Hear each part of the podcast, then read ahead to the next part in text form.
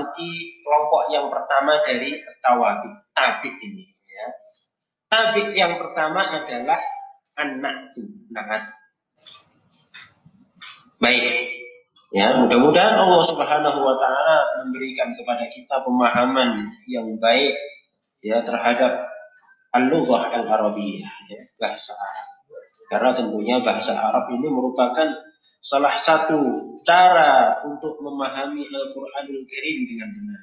Karena Al-Qur'anul Karim dia diturunkan oleh Allah Subhanahu wa taala dengan menggunakan bahasa Arab. Maka tidak ada jalan yang baik, yang benar ya untuk dapat memahami Al-Qur'anul Karim demikian pula hadis Rasulullah wasallam kecuali kita memahami bahasa Arab dengan baik.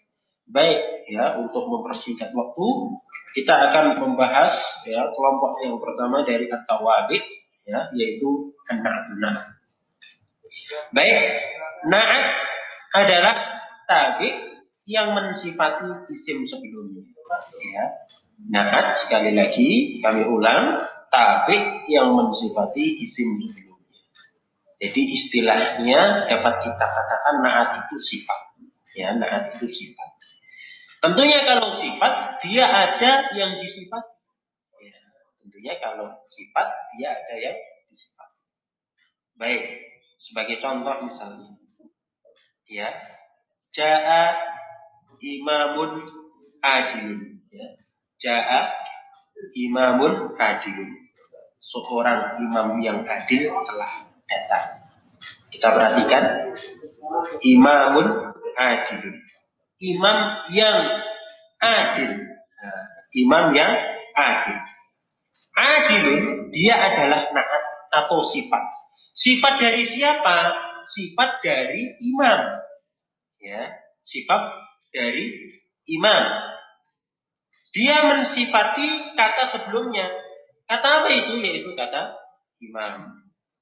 Nah, mengingat jaha imamun adilun, ya, telah datang seorang imam yang adil karena imam sebagaimana yang antum semuanya ketahui imam dia adalah sebagai fa'il ya, pelaku. Maka dia eh, adalah rofa ya dengan ciri apa? Yaitu dengan dhammah ya. Karena imam dia i'rabnya gom apa namanya rofa yang ditandai dengan dhammah maka sifatnya atau naatnya dia juga apa? Dia juga i'rabnya rofa ya ditandai dengan dhammah ya. Kita ulang jaa imamun adilun. Adilun di sini sifat dari imam. Sama-sama i'rabnya rofa ya. Adil mensifati siapa? Imam. Ya tentunya dapat kita pahami. Sehingga makanya tadi kita katakan bahwasanya di sini naat ya yang lebih umum lagi kita katakan dia adalah bagian dari tabik dia bisa kita kategorikan kita kategorikan sebagai ha, ha, marfu'atul asma ya. ya isim-isim yang ya, marfu ya karena dia tergantung dari ya masbuknya ya. di sini masbuknya ya imam ya Demikian. Baik. Kemudian contoh yang lain untuk dapat memahami pembahasan tentang naat. Kita ambilkan contoh yang lain misalnya. Usalli muslimatun salihatun. Ya. Seorang muslimah yang salehah sedang sholat. Kita perhatikan muslimah. Muslimah di sini dia juga sebagai fa'il. Ya dia marfu. Ya. Dia mempunyai sifat. Disifati dengan suatu kata setelahnya yaitu apa? Salih. Mengingat muslimah di sini dia kedudukannya sebagai fa'il maka bagaimana? Maka tentunya sifatnya mau tidak mau eh, dia juga harus eh, marfu yaitu salihah. Di sini salihah makanya dia diharokati dengan dhammah. Kenapa demikian? Karena mengikuti ya mengikuti manfaatnya, mengikuti manpotnya. Manpotnya di sini muslim. Karena muslimah di sini dia marfu, maka salihah ya nakatnya atau sifatnya juga marfu. Nah, mungkin dapat dipahami. Baik. Untuk selanjutnya maka ada beberapa ketentuan naat.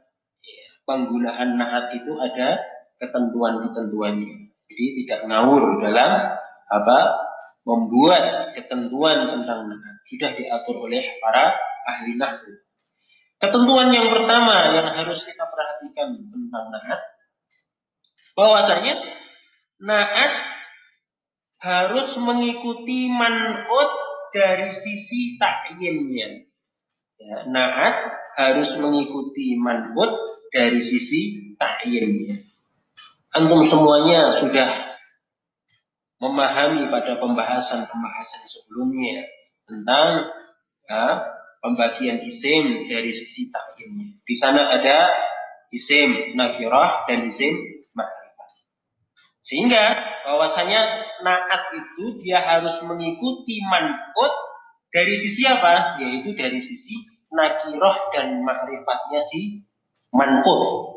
Ya, dapat dipahami ya. Apabila manfaatnya dia itu apa namanya nakiroh, maka naatnya serta merta dia ikut nakirah. Demikian pula apabila manfaatnya dia itu makrifah, maka serta merta naatnya juga ikut makrifah.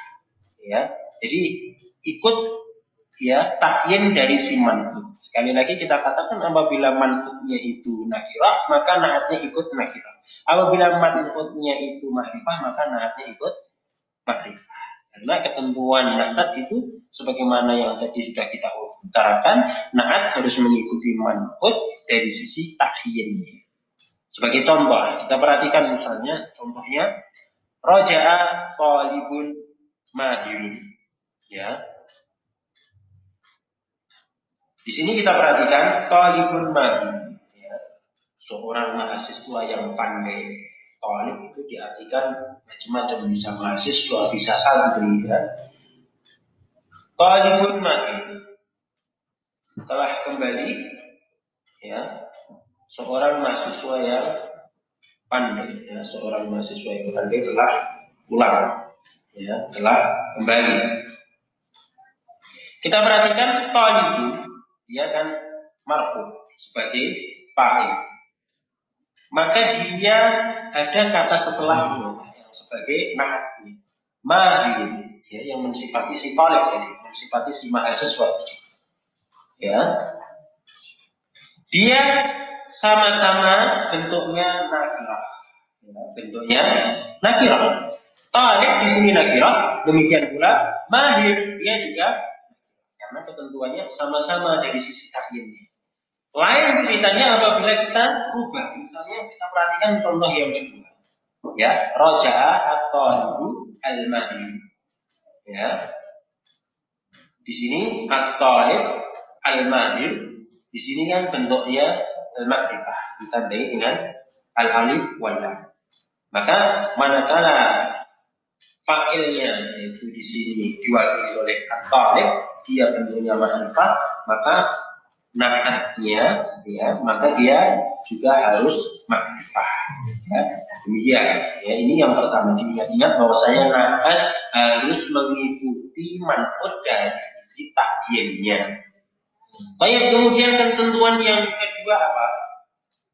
Ketentuan yang kedua bahwasanya naat harus mengikuti manfaat dari sisi adat atau jumlah.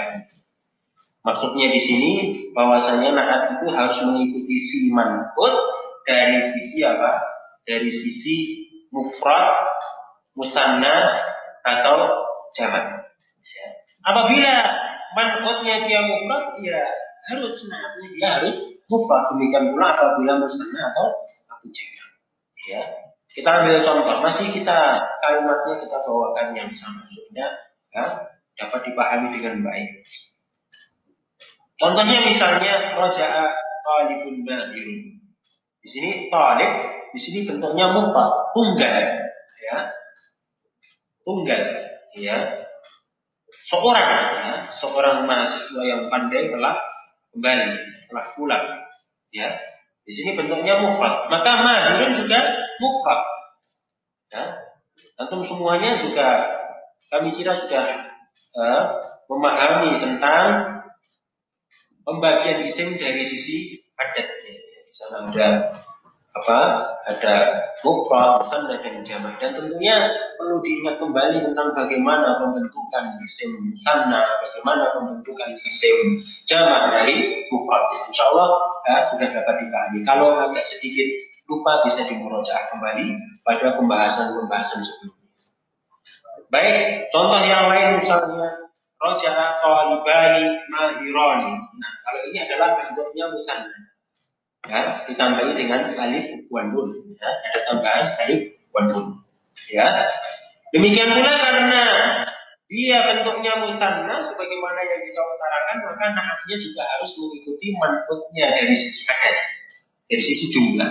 Karena talibani ini musanna ditandai dengan alif eh, alif wan nun maka naatnya mahironi ya dia juga harus bentuknya musanna ya atau double ya. Dua orang mahasiswa yang pandai ya telah kembali ya. Saya untuk menyempurnakan contoh kita bawakan contoh yang bentuk jamak kita bawakan contoh yang bentuk jamak roja tulabun mahirun. Tulabun ini bentuk jamak dari talib ya bentuk jamak taksir ya.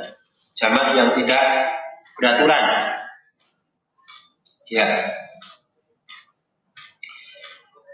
Kita perhatikan tulab dia bentuknya jamak. Ya jamak taksir jadi sudah kita sebutkan maka naatnya sifatnya juga harus bentuknya jamak ya bentuknya jamak yaitu mahirun kalau jamak di sini kita jadikan dia jamaknya jamak mudzakkar salim dengan ditambahi apa? wawu dan wawu dan. Nah, intinya apa? Bahwasanya ketentuannya itu naat harus mengikuti manfut dari sisi jumlahnya adatnya, mengikuti manfut dari sisi mufrad, musanna atau jamaknya. Baik, kemudian ketentuan yang ketiga Ketentuan yang ketiga bahwasanya naat harus mengikuti manut dari sisi nau atau jenisnya. Ya, kami kira antum semuanya juga sudah uh, memahami ya tentang pembagian isim dari sisi jenisnya. Ya, di sana ada yang diistilahkan dengan isim muzakkar ataupun isim muannas ya demikian ya nanti bisa dilihat kembali pada pembahasan-pembahasan yang sebelumnya dan tentunya bagaimana cara ya, pembentukannya semacam itu baik sebagai contoh misalnya kita masih ambilkan contoh yang ya, sebelumnya untuk sekali lagi untuk mempermudah pembahasan kita ya supaya tidak terpecah-pecah pembahasan kita. Contohnya misalnya rojaah talibun mahir. Di sini talib dia bentuknya adalah muzakkar. Bentuknya apa? Muzakkar. Mahasiswa. Maka mahirun dia juga bentuknya muzakkar.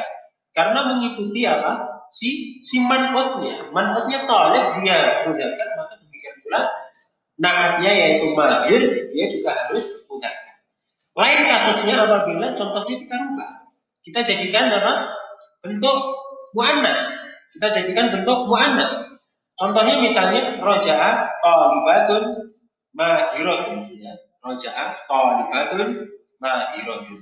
Mahasiswanya kita ubah jadi mahasiswi. Kita tambah dengan tak marfutoh. Ya toh? Nah, ini kalau kasusnya demikian maka mau tidak mau nanti juga harus mengikuti si man'ud. Dia juga harus bentuknya mu'annas. Makanya bentuk juga kita tambah dengan tak marfutah untuk menandai dia bahwasanya dia adalah bentuk mu'annas. Ya, intinya seperti itu. Baik ketentuan-ketentuan nah yang tentunya cukup mudah bagi kita untuk dapat kita pahami. Alhamdulillah.